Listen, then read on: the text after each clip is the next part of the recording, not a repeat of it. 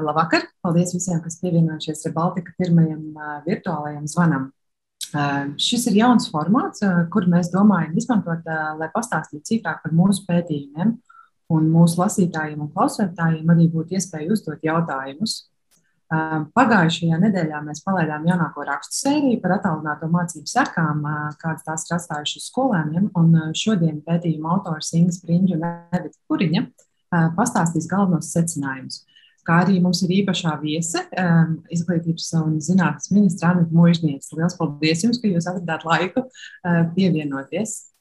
Uh, un tā tad um, šie, šodienas darba, kārtība būs tāda, ka Inga un Evita vispirms pastāstīs mazliet uh, par uh, tātad galvenos secinājumus, un pēc tam mēs dosim vārdu izglītības ministrei Mūžnieces kundzei. Uh, Um, mums jau ir uh, vairāk jautājumu iesūtīti, un aicinām visus dalībniekus arī uh, sūtīt savus jautājumus čatā. Um, tas ir, tā ir galvenā vieta, kur to darīt, uh, kur šos jautājumus uzdot, jo video un mikrofons uh, dalībniekiem paliks izslēgts. Varbūt tā kā mums ir ierobežots laiks, uh, mēs ceram tikt galā 40 minūtēs, tad uh, Inga, varbūt ķersimies pie lietas, uh, un tu varētu sākt un pastāstīt uh, galvenos secinājumus no savas puses. Okay. Labvakar, sveiciens Dievs visiem, kas ir ieradušies šajā laikā. Ļoti novērtēju, zinu, ka mēs visi esam ļoti aizņemti. Uzreiz nedaudz gribu atvainoties, ka manās durvīm virtuvē bērniem šobrīd ir vakariņas un gulētiešanas laiks. Tā kā varbūt ka būs kāds fontroksnis, jo kāds ir kreņķīgs, bet es domāju, tas nebūs skaļš, lai mums traucētu. Dažās minūtēs pastāstīšu, kādi ir tie mūsu galvenie secinājumi. Respektīvi, mēs šajā, es jau agrā pavasarī veicu priekšspēti, kas būtu tieši jāpēt šajā visā pētījumā, kas ir tās galvenās problēmas. Un mums iezīmējās trīs galvenās problēmas viens ir psiholoģiskie robi, kā mēs tos nosaucām, kādas sekas atstāja psihoemocionālo stāvokli skolēniem. Otra problēma ir zināšana robi, protams, tik iekavētas mācības, un par to sīkāk izstāstīs Evita kolēģi, jo viņi vairāk fokusējās tieši uz šo aspektu. Un trešais bija, kas notika ar bērniem, kuriem nu, nav mājās atbalstošā vide, kur eh, mamma nespēja palīdzēt, vai mammas, piemēram, vispār nav. Kas ar viņiem notika? Un tad es, es to izstāstīšu konkrēti par šiem diviem aspektiem - par psiholoģiskajiem robiem un par ģimenēm, kur nav šī atbalsta mājās. Par psiholoģiskajiem robiem es runāju vairāk kā pieciem pusauģiem ar viņu vecākiem, skolu direktoriem, sociālajiem pedagogiem, un iezīmējās tāda viena aina ka neviens nebija gatavs. Neviens nezināja, ar ko rēķināties. Jo sākotnēji tā doma, varbūt arī Nils Konstantīnos, psihoterapeits, teica, ka likās, ka pusauģi būs tā un bērni tā pasargātākā grupa, jo viņi sēdēs mājās, viņi nekur neiet, un kas tad viņiem kaitēs. Bet tas, kas reāli parādījās jau pirmās pandēmijas laikā, nedaudz iezīmējās, bet otrās pandēmijas laikā jau bija reāli samilzus problēma. Izrādījās, ka nevar pusauģi un arī jaunieši un arī mazāki bērni tik labi nefunkcionē, ja viņas ieslēdz istabā kopā ar datoru. Un tas, protams, saistīts ar, ar to veidu, kā attīstās ehm, jauniešu un pusauģu smadzenes. Jo, lai viņi varētu normāli attīstīties un uzplaukt, viņiem ir vajadzīga konkrēta vide, ir vajadzīgs konkrēts ritms, ko parasti diktē skola ar stundu sarakstu, cikos ir jāceļās, ka kaut kur ir jāiet un kaut kas ir jādara. Eh, iespēja būt kopā ar vienaudžiem, jo tu tomēr tu mēri sevi pret to un skaties, kuram tur labāk vai nē, vai tur kādu var parunāties, uzspēlēt bumbu kaut vai starp brīdī. Un ir šīs arī tīri fiziskās aktivitātes. Mēs zinām, ka arī pieaugušiem, ja ir depresija vai kā, ir obligāti jākustās, un pusauģiem vēl jau vairāk, bet beigās sanāca bez mazliet tā, ka viņi eh, kustās bez maz vai mazākā stundu dienā, kas ir mazākā varbūt cilvēku ieslodzījuma vietās. Un tas viss, protams, atstāja sekas, tu kļūsti depresīvs, nomākts. Jaunieši viss kā viens apgalvoja, man neko negribējās, man nebija motivācijas, nāca raudiens. Un rezultāts, protams, arī bija tāds, ka ietekmēja sekmes un mācības. Bet kāpēc es teicu, ka neviens nebija gatavs? Jo pieaugušie, gan vecāki, gan arī no skolas puses strādājošie, visi kaut kā turpināja gaidīt, ka pusauģi paliks motivēti. Un tāpēc arī varbūt tās metodas, kas tika izmantotas, tur uzmundrinājumi tādā formā, kā bez sākot ar piekukuļošanu, ko mammas eh, man stāstīja, ka tur maksāšu, tev būs laba atzīme, sākot ar, ar draudēšanu, tu nepabeigsi skolu un paliksi visu mūžu 9. klasē. Un beidzot ar tādiem vienkāršiem uzmanībiem, nu, saņemies, būs jau labi. Un tas vienkārši nestrādā, jo viņiem vienkārši smadzenes tā nestrādā, un pie skolāni paši netika ar to galā. Un tā bija milzīga problēma, kas izveidojās eh, lielai daļai eh, skolānu. Protams, bija daļa skolānu, varbūt, kuriem tas nebija un kuri labi funkcionē, bet nu, Man gribas teikt, no tiem netiešiem datiem, kas ir pieejami, ka tāda nebija lielākā daļa, jo ņemot vērā tīri to bioloģiju, ko es jau iepriekš aprakstīju. Un tad bija jautājums, kā skolas, kad jau redzēja to problēmu, spēja rīkoties un ko varēja darīt. Un, protams, lielākā problēma bija, ka tie, kas arī apzinājās, ka ir šā problēma, ka nebija speciālisti, kur varētu palīdzēt. Viens, protams, ir skola psihologi. Tā ir tā diezgan liela privilēģija Latvijas skolās, jo šie speciālisti nav gatavi par tādu atalgojumu varbūt strādāt, jo privāti praksēs var nopelnīt daudz vairāk. Protams, arī skolas dinamika ir kaut kas nedaudz cits. Tur nav varbūt, ka tu strādā individuāli ar vienu klientu, kurš nāk pie tevis uz privātu praksi. Tas daudz iezīmējās, ka tie pirmkārt jau nebija šo psihologu, un otrkārt, varbūt viņiem arī nebija tās prakses, kā šādās situācijās strādāt. Viskritiskākā situācija, ko rādīja arī Baltikas aprēķina no publiski pieejamiem datiem par atbalstošo personālu skolās, ir arodskolās, jeb profskolās.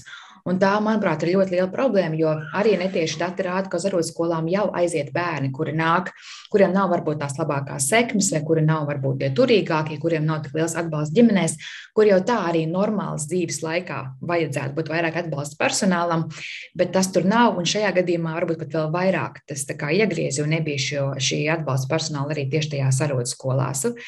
Un tas galvenais secinājums pie šiem psiholoģiskiem robiem bija, kad es uzklausīju visus šos vecākus, un sapratu, ka nedrīkst vairs pieļaut attālinātās mācības.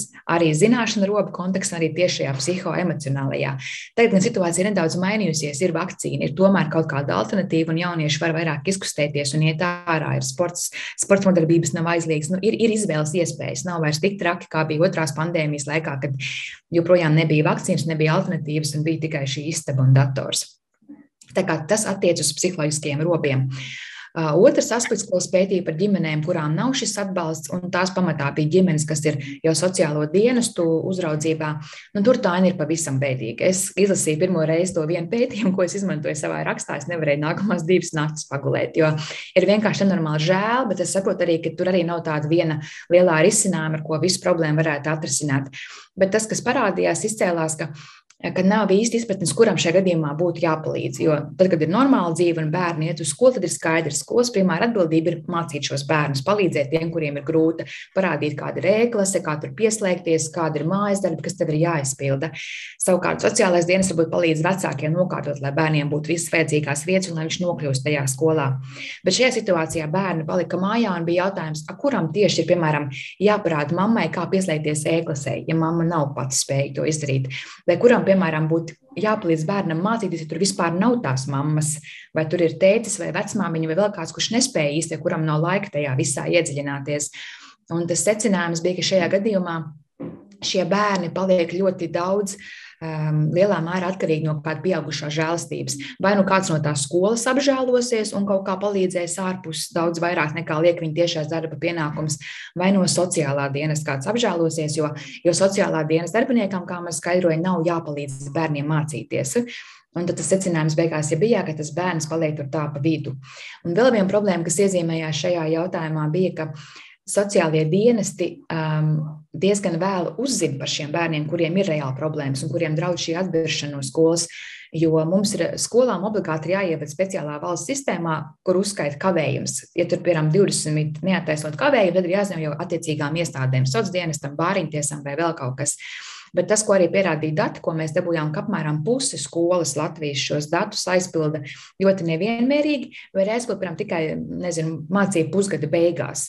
Un, ja piemēram, kāds ir izkrits jau pašā sākumā vai vidū, ka tiešām būtu jau aktīvi jārieģē un kaut kas jādara ar to pusaudzi vai jaunieti, nu, tie pam, pam, pamatā ir jau tādi lielāki bērni, tad varbūt jau ir pa vēlu, tur ir grūti kaut ko darīt, un tās informācijas nav līdz tiem attiecīgiem dienestiem nonākušas. Tā kā es arī runāju ar IKVD, un viņi saka, ka plānots kaut kāda ievies, ka būs elektroniskā sistēma, ka IKVD vai dienestu uzreiz var redzēt, ka tur kāds jau kavē, ka nav jā, jābūt tā, ka skolas kaut ko ievada iekšā, bet, nu, kad tas varētu stāties spēkā, to arī neviens man nevarēja pateikt. Tā kā es domāju, šī ir vēl viena problēma, kur man pat īsti nav ideja, kā to visu varētu risināt. Es domāju, Nu, atkal, es zinu, ka skolām jau tā ir ļoti daudz pienākumu, bet man gribēs jau kā pieklauvēt pie sirdsapziņas un pateikt, ka, nu, ja jūs zināt, ka ir tās ģimenes un sociālais dienas, tad varbūt nu, mazāk jāsās uz to darba aprakstu, bet kaut kā, lai piesaist brīvprātīgos vai kaut kādus, nu, nezinu, studentus no malas, taču es domāju, ja uzsāsīt kādu kampaņu, būt, noteikti būtu daļa cilvēku, kas būtu gatavi iet uz mājām un šos bērnus mācīt un viņiem palīdzēt. Tā kā šie ir tie mani galvenie secinājumi.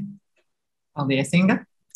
Evita, tad varbūt tu pastāstīsi sīkāk par to, kādas sekas attālinātās mācības ir radījušas tieši skolēnu zināšanu līmenī. Um, paldies! Jā, nu, Inga un arī to ja saki par zināšanu līmeni, bet es gribu sākt ar to, ka īsti jau šo datu nav, un tā ir liela problēma. Kā to, kāds ir zināšanu līmenis, vai, vai kādi ir tie mācību robi un kādas vispār ir attālināto mācību sekas, mēs īsti pateikt nevaram, jo tādu datu nav. Vai arī tikpat kā nav, ir tādi kaut kādi, nu, tādas kaut kādas nianses, kur var kaut ko sekot līdzi un mēģināt kaut kādus secinājumus izdarīt. Ir eksāmena rezultāti. Tie ir tikai 12. klasēm centralizēto eksāmena rezultāti. Tātad mēs nezinām, kas notika pārējās klasēs. Eksāmena rezultāti, nu, kā jau tika plaši ziņots, ir apmēram tādi paši kā iepriekšējos gados. It kā nebūtu pamata uztraukties, bet pamats uztraukties tomēr ir. Jo, ja skatās dziļāk, tad ir indikācijas, ka, nu, kā jau mums arī rakstā bija teikts, ka tiem, kam gāja labi, tie Tiem arī attālinātās mācības patika, un man pašai ir viens bērns, kuram attālinātās mācības lieliski patika, un viņš labprāt varētu vēl kādu laiku uz skolu neiet. Un tā pašā laikā tiem, kam skolā ne, nemaz tik viegli neiet, viņiem tas lielā mērā nozīmē grimšanu vēl dziļāk. Un tad, kad saliek to zemāko un augstāko kopā, nu, tā vidējā temperatūra jau sanāk, bet tas nav nekas uh, labs. Uh, un otra lieta, kas mani personīgi uztrauc visvairāk, tāpēc, ka mēs ar Baltiku par to esam rakstījuši gadiem, gadiem, burtiski vairāk kārt, ir šīs milzīgās atšķirības skolu vidū. Un, uh, kā, kā mēs to pašas esam daudzkārt jau secinājuši, un kā arī IKVD bija šajā kvalitātes izvērtējumā, protams, secinājis, un arī tas nav nekāds jaunums. Tas visvairāk ir atkarīgs, šīs atšķirības ir visvairāk atkarīgas no skolu direktoriem, kuri mums ir ļoti dažādi. Un, nu, šajā konkrētajā, ah, un tad tas, tas viens veids, kā mēs kaut kādu priekšstatu varējām gūt, tā kā to datu tikpat kā nav, vienkārši aptaujāt cilvēkus. Un, uh, vecākus, nu, kādi tad viņiem ir iespēja. Un tas viens stāsts, ko es aprakstīju savā rakstā, nu, vienkārši graujoši. Sākumā pat likās netik traki, bet jo vairāk iedziļinies un jo vairāk ar to pat skolu tu runā, un tā nu, tiešām briesmīgi. Un, un viens bērns, viens, par, viens kārtējais pusaudzis, kuram nemaz tik viegli arī līdz šim nav gājis. Ka viņš nesaņem vispār nekādu palīdzību no, no, no tās savas skolas, tā ir liela Rīgas skola. Tas nav kaut kas tāds margināls, vai ne? Un, un netur, ne viņam piedāvā, nu, tad, kad, tad, kad viņš slēdzas nost, un tad, kad viņš vairs nespēja pamācīties attālināti, ne viņam piedāvāts ir sociālais pedagogs, ne psihologs, ne pumpurs, ne, ne klātienes konsultācijas, tad, kad valdība par tām lēma un iespēja skolām bija, jo skola vienkārši nu, negribēja, un kā mēs redzējām, divas Trešdaļas naudas nepalika neizmantotas. Tur dažādi iemesli skolotāji aizņemti, skolotāji negrib pārāk tālu jābrauc līdz skolai. Nu, nu vienkārši nolaižas rokas, vai ne? Un, un tur tā māte bija pietiekami apņēmīga, bet ar ko tas beidzās? Tas beidzās ar uzsūtītu pašvaldības policiju šai ģimenei.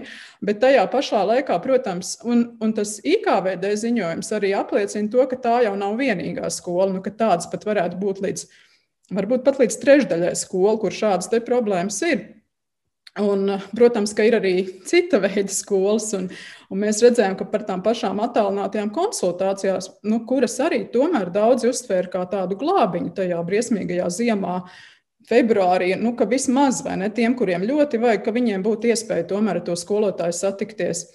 Uh, bija skola, kas, piemēram, visus tos bērnus savāca burtiski savā skolā, Skolotāji gāja uz skolu, viņi vada stundu, bet viens vai divi bērni katrā tajā klases stūrī sēž, un viņi tomēr dabū šī eh, skolotāja atbalstu. Nu, tā tad varianti ir, eh, radoši pieeja var izdomāt un palīdzēt un sniegt šo atbalstu. Bet, kā jau es teicu, skolas ir ļoti dažādas, direktori ir ļoti dažādi.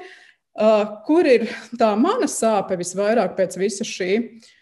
Man personīgi nerodas pārliecība, ka šogad, kad mēs tagad esam septembrī jau beigās, un kā mēs droši vien tūlīt runāsim vēlāk, kad ir jau skolas, kur skolēni jau septembra lielāko daļu ir nosēdējuši mājās mācoties.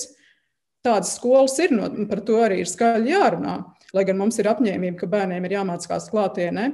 Nu, vai šīs lietas ir atrisinātas? Mēs šogad, nu, pareizāk sakot, uh, Izglītības ministrija un valdība ir devusi skolām vēl lielāku patstāvību nekā pagājušajā gadā. Uh, lemt, kādā veidā viņi mācās, kurā brīdī, kuri nāk, kuri nenāk, skolēnu rotācijas, nu, kā organizēt šo mācību procesu. Uh, mēs dodam viņām vēl lielāku patstāvību šīm skolām, bet vai ir pārliecība, ka šī patstāvība tiks uh, nu, pareizā veidā un labi izmantota? Vai pie tik ļoti atšķirīgas skolu kvalitātes pie tik lielas daļas, es teiktu, nekvalitatīvu skolu, šī patstāvība ir to vērta. Jo tūlīt pat būs stāsts, ka, nu, ka tie bērni, viņi pat šobrīd joprojām viņiem nav uh, tiešraides stundu, viņi sēž mājās, viņiem atkal ir tieši tas pats, kas pagājušajā gadā, viņiem ir uzdots lērums mājas darbu, uh, tiešsaistes stundu tikpat kā nav, nu, vai mēs neesam joprojām turpat, kur bijām. Tas ir tas, nu, tas galvenais secinājums, teiksim tā, un ka, ka būsim mēs pavasarī, vasarā un pēc gada, vai mēs nerunāsim atkal šo pašu. Paldies, Evita.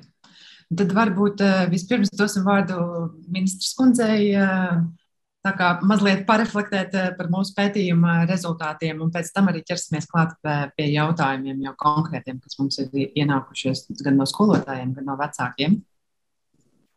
Jā, lab, labvakar visiem un, un, un paldies, paldies par to ieskatu, ko, ko arī es pati arī iepazinos ar vairākiem rakstiem no šīs sērijas. Un, jāsaka, nu, un, un tas ir tikai droši vien godīgi teikt, ka es domāju, ka tai situācijā, kas atnāca pirms pusotra gada ar pandēmiju, īsti gatavs, nu, būsim godīgi, nebija neviens.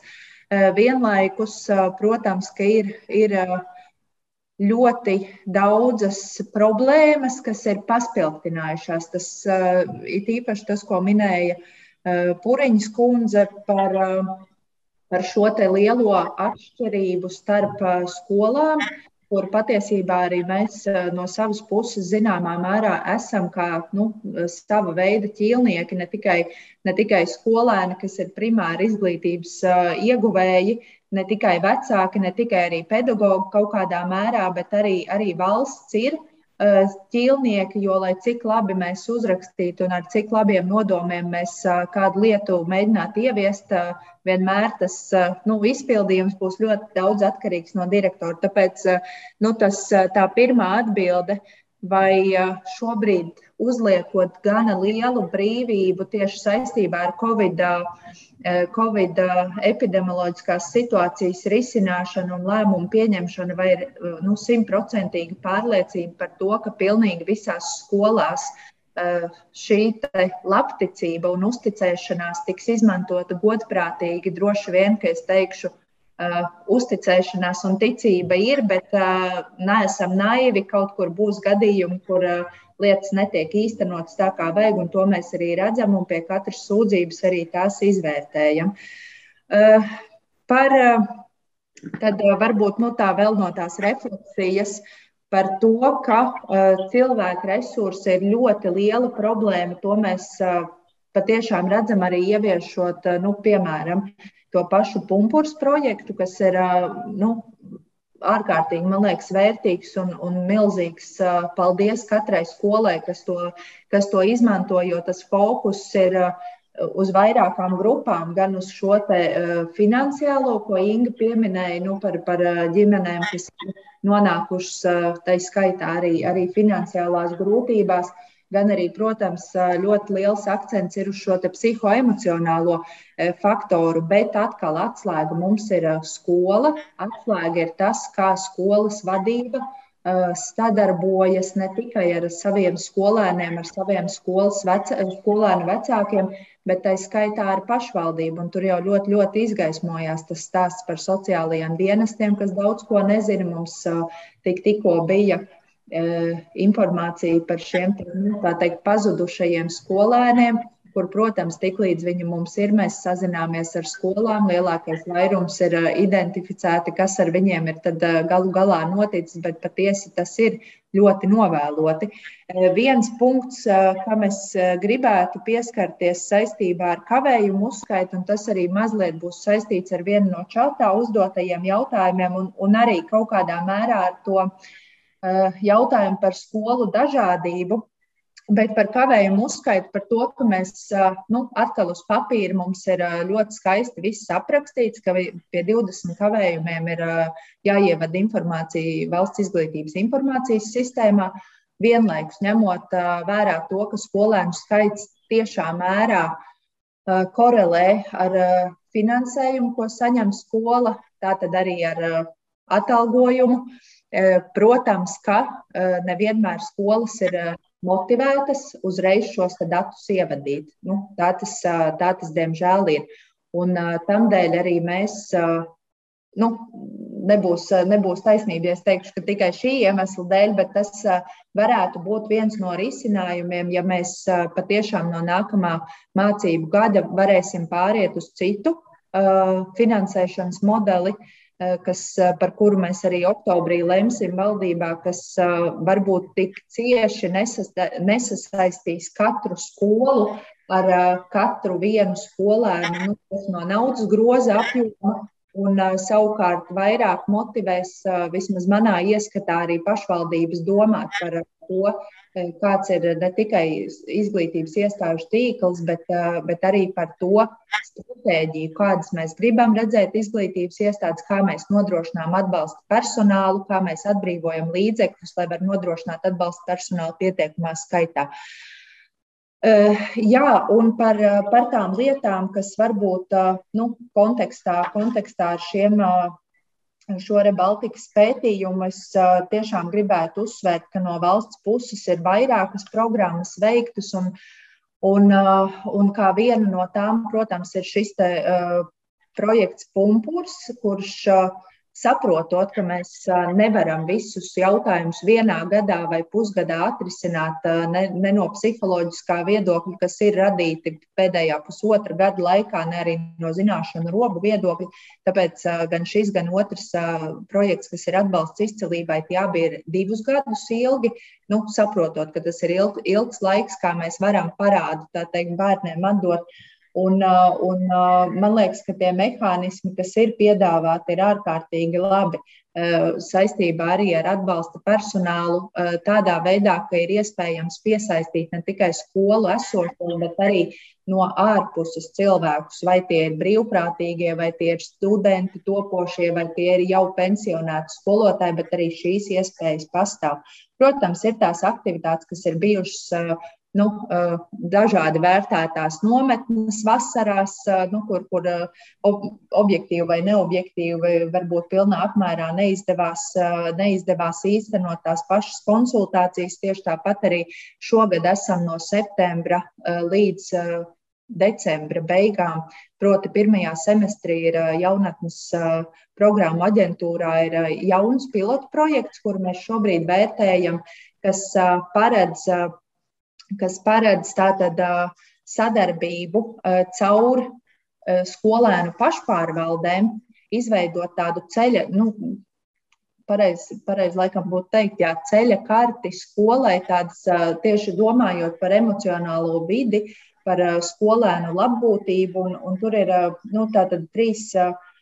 Trīs komponentes, kur tātad tiek savesta skolēnu puse ar atbalsta personālu, nu, tātad ar, ar pieaugušiem, kas var palīdzēt izstrādāt šīs ceļa kartes, domājot par to, kas katrā skolā ir vajadzīgs, lai e, skolēni justos labāk vai, vai nu, kādas programmas būtu īstenojamas. E, un tad ir e, tādi nelieli granti, uz kuriem var pieteikties aktivitāšu īstenošanai. Un mēs šo projektu tagad līdz decembrim uh, Eh, viņš noslēgsies, tad būs izvērtējums par to, kā ir sekmējies. Jo man liekas, ir ārkārtīgi svarīgi arī, ka paši skolēni iesaistās nu, tās skolas vidas veidošanā, sadarbībā, protams, ar, ar gan pedagogiem, gan atbalsta personālu un mentoriem.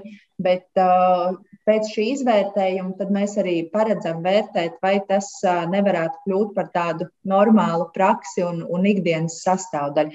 Nu, tas varbūt tā ļoti, ļoti virspusēji pārskrienot tam, tam, ko es dzirdēju, un ievadam laikam pietiks. Jā. Es varbūt sākšu uzreiz ar eh, jautājumu, tā kā jūs pieminējāt eh, programmu Punkurs eh, kā labo piemēru, tad mums arī ir viens no jautājumiem, kas ir tikko ienācies čatā par to, ka šajā mācību gadā IKVD projektā Punkurs pašvaldībām noteicis ierobežojumu, ka projektā var iesaistīt tikai līdz 10% skolēnu nu, no 5. līdz 12. klasē. Un, attiecīgi, vai šis jautājums ir, vai šis mācību gads ir īstais laiks, lai ierobežotu skolām uh, finansējumu individuālajām konsultācijām. Un tas iet arī ar vienu citu jautājumu, kas arī ir parādījies čatā, un kas arī mazliet ienāk nu, no tiem jautājumiem, ko jau iepriekš iesūtīja par atbalsta apjomu vispār skolām, nu, kur atbalsta personāla trūkuma iemesls ir finansējuma trūkums. Un visbiežāk, nu, Attiecīgi, vai ir paredzams, ka šo problēmu kaut kā tuvākajā laikā varētu risināt valstiskā līmenī, kas visticamāk vienkārši nozīmē, vai ir iespēja ātri palielināt kaut kādu budžeta finansējumu šīm izglītības programmām?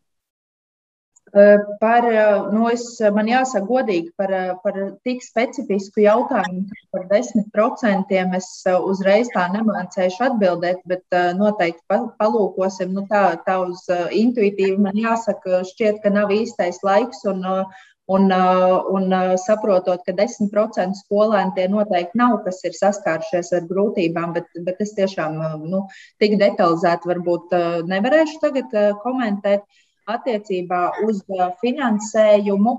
Nu, ir tā, uh, ja mēs raugāmies uh, kopumā uz atbalsta personālu, tad, protams, ka kāpēc neizvēlas šobrīd izglītības psihologu nākt uz skolu, tāpēc, ka viņi privātajās praksēs pilnīgi noteikti var saņemt lielāku atalgojumu. Nu, tā tas ir. Un tajā brīdī mēs sākam domāt par to, ka nu, visa, visa atslēga ir tajā, ka samaksāsim ļoti lielu algu. Uh, vienlaikus tas, tas, ko es arī pieminēju saistībā gan ar konsultācijām, kas bija papildus, gan ar, gan ar šīm pašām nometnēm, ir vairākas aktivitātes, kur valsts no savas puses Covid laikā ir piešķīrusi gan prāvus papildus līdzekļus, bet nav tās kapacitātes. Un tad mēs nu, tādā, tādā apburtā lokā esam. It kā mums saka, ka trūks naudas, mēs viņu piešķiram, bet to naudu apgūt skolas pašas nespēja. Un, un tādā ilgtermiņā raugoties, nu atkal man jāsasien mazliet ar to paredzamo finansēšanas kārtības maiņu, ka kopumā sistēmā Mums naudas ir gana daudz arī, arī pedagoģa atalgojumam, un, un nav tādas vienas burvi nūjiņas, lai es arī nu, tagad pateiktu un visiem apsolītu, ka, teiksim, 1. janvārī mēs visi dzīvosim skaistā un izcilā izglītības sistēmā. Absolūti nē, jo katra viena mazā detaļa ir ļoti cieši saistīta ar citām.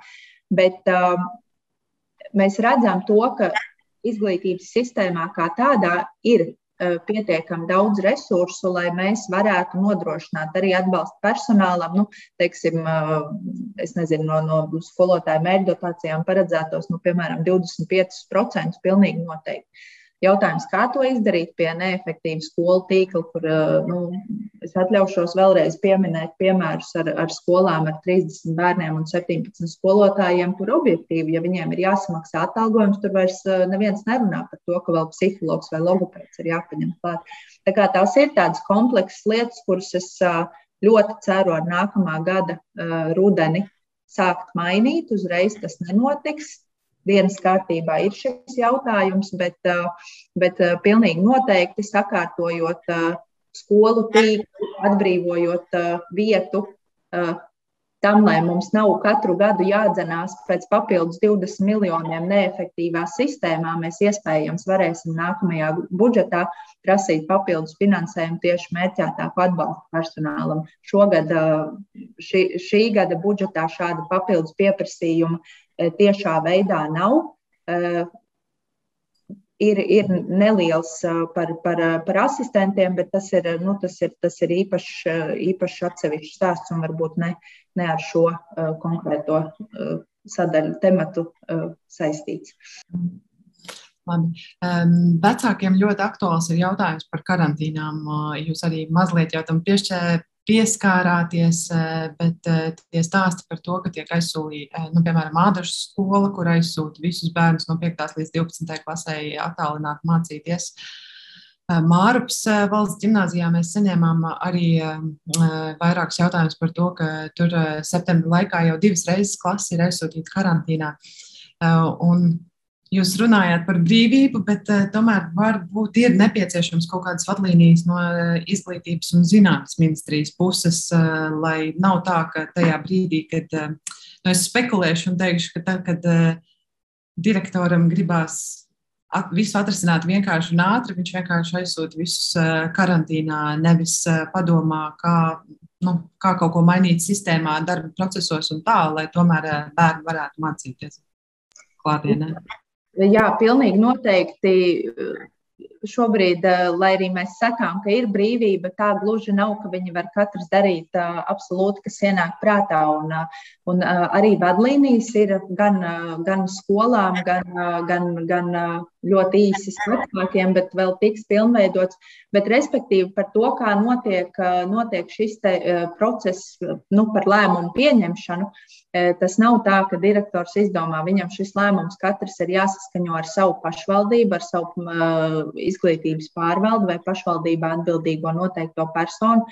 Tad katra pašvaldība mums, arī mums sūta IKVD, kā sākumā bija pirmdienās, tagad ir piekdienās šo informāciju par pieņemtajiem lēmumiem un šo te, nu, dubultās kontrolas mehānismu mēs tieši ieviesām ar to mērķi, lai lūkotu un katru šo gadījumu, arī ādažus, arī, arī mārupi izvērtētu, vai vai šie lēmumi pieņemtie ir bijuši pamatot. Tāpēc, nu, jāsaka, tā vadlīnijas ir brīvība, protams, ir direktoram lemt tajā brīdī, kad uh, ir redzams, ka ir uh, ļoti liela paslimšanas. Nu, viens ir viena sadaļa attiecībā uz daļēji attēlinātām un uh, Attālinātām mācībām, protams, ir šie standarta epidemioloģiskie gadījumi, nu, kur kontakta personas dodas, dodas attālināt. Un, jā, tas, diemžēl, var būt arī tā, ka tas iekrīt vairākas reizes mēnesī, bet man liekas, arī šonadēļ, ja es pareizi atceros, vienā, vienā no intervijām minēju, ka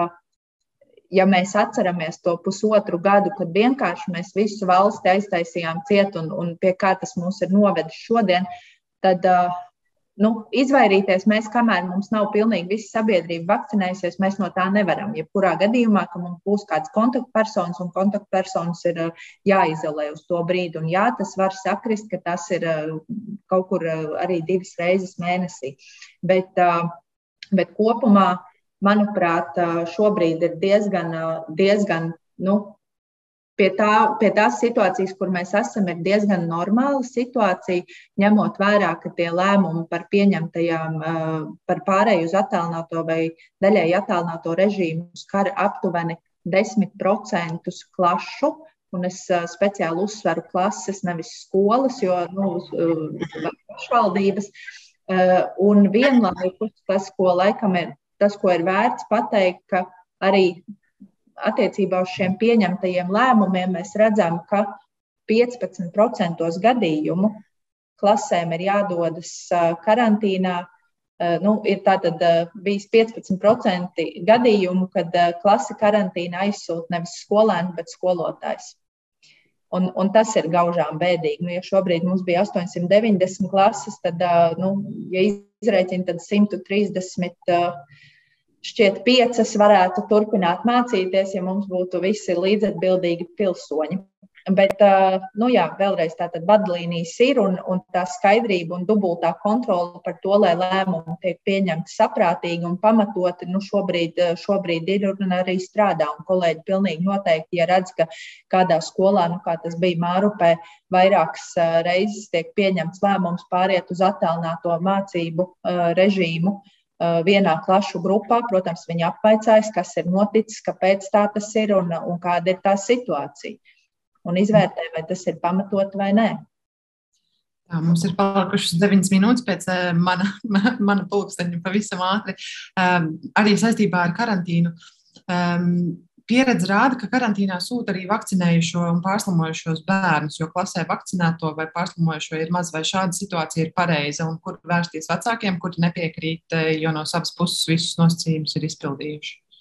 Jā, eh, pilnīgi noteikti šī situācija nav pareiza, jo eh, šobrīd fokus ir, un mēs vēlreiz un vēlreiz uzsveram, ka mācāmies klātienē, un klātienē ir jā, jānodrošina klātienes mācības arī tajā gadījumā, ja klasē ir viens vakcinēts skolēns.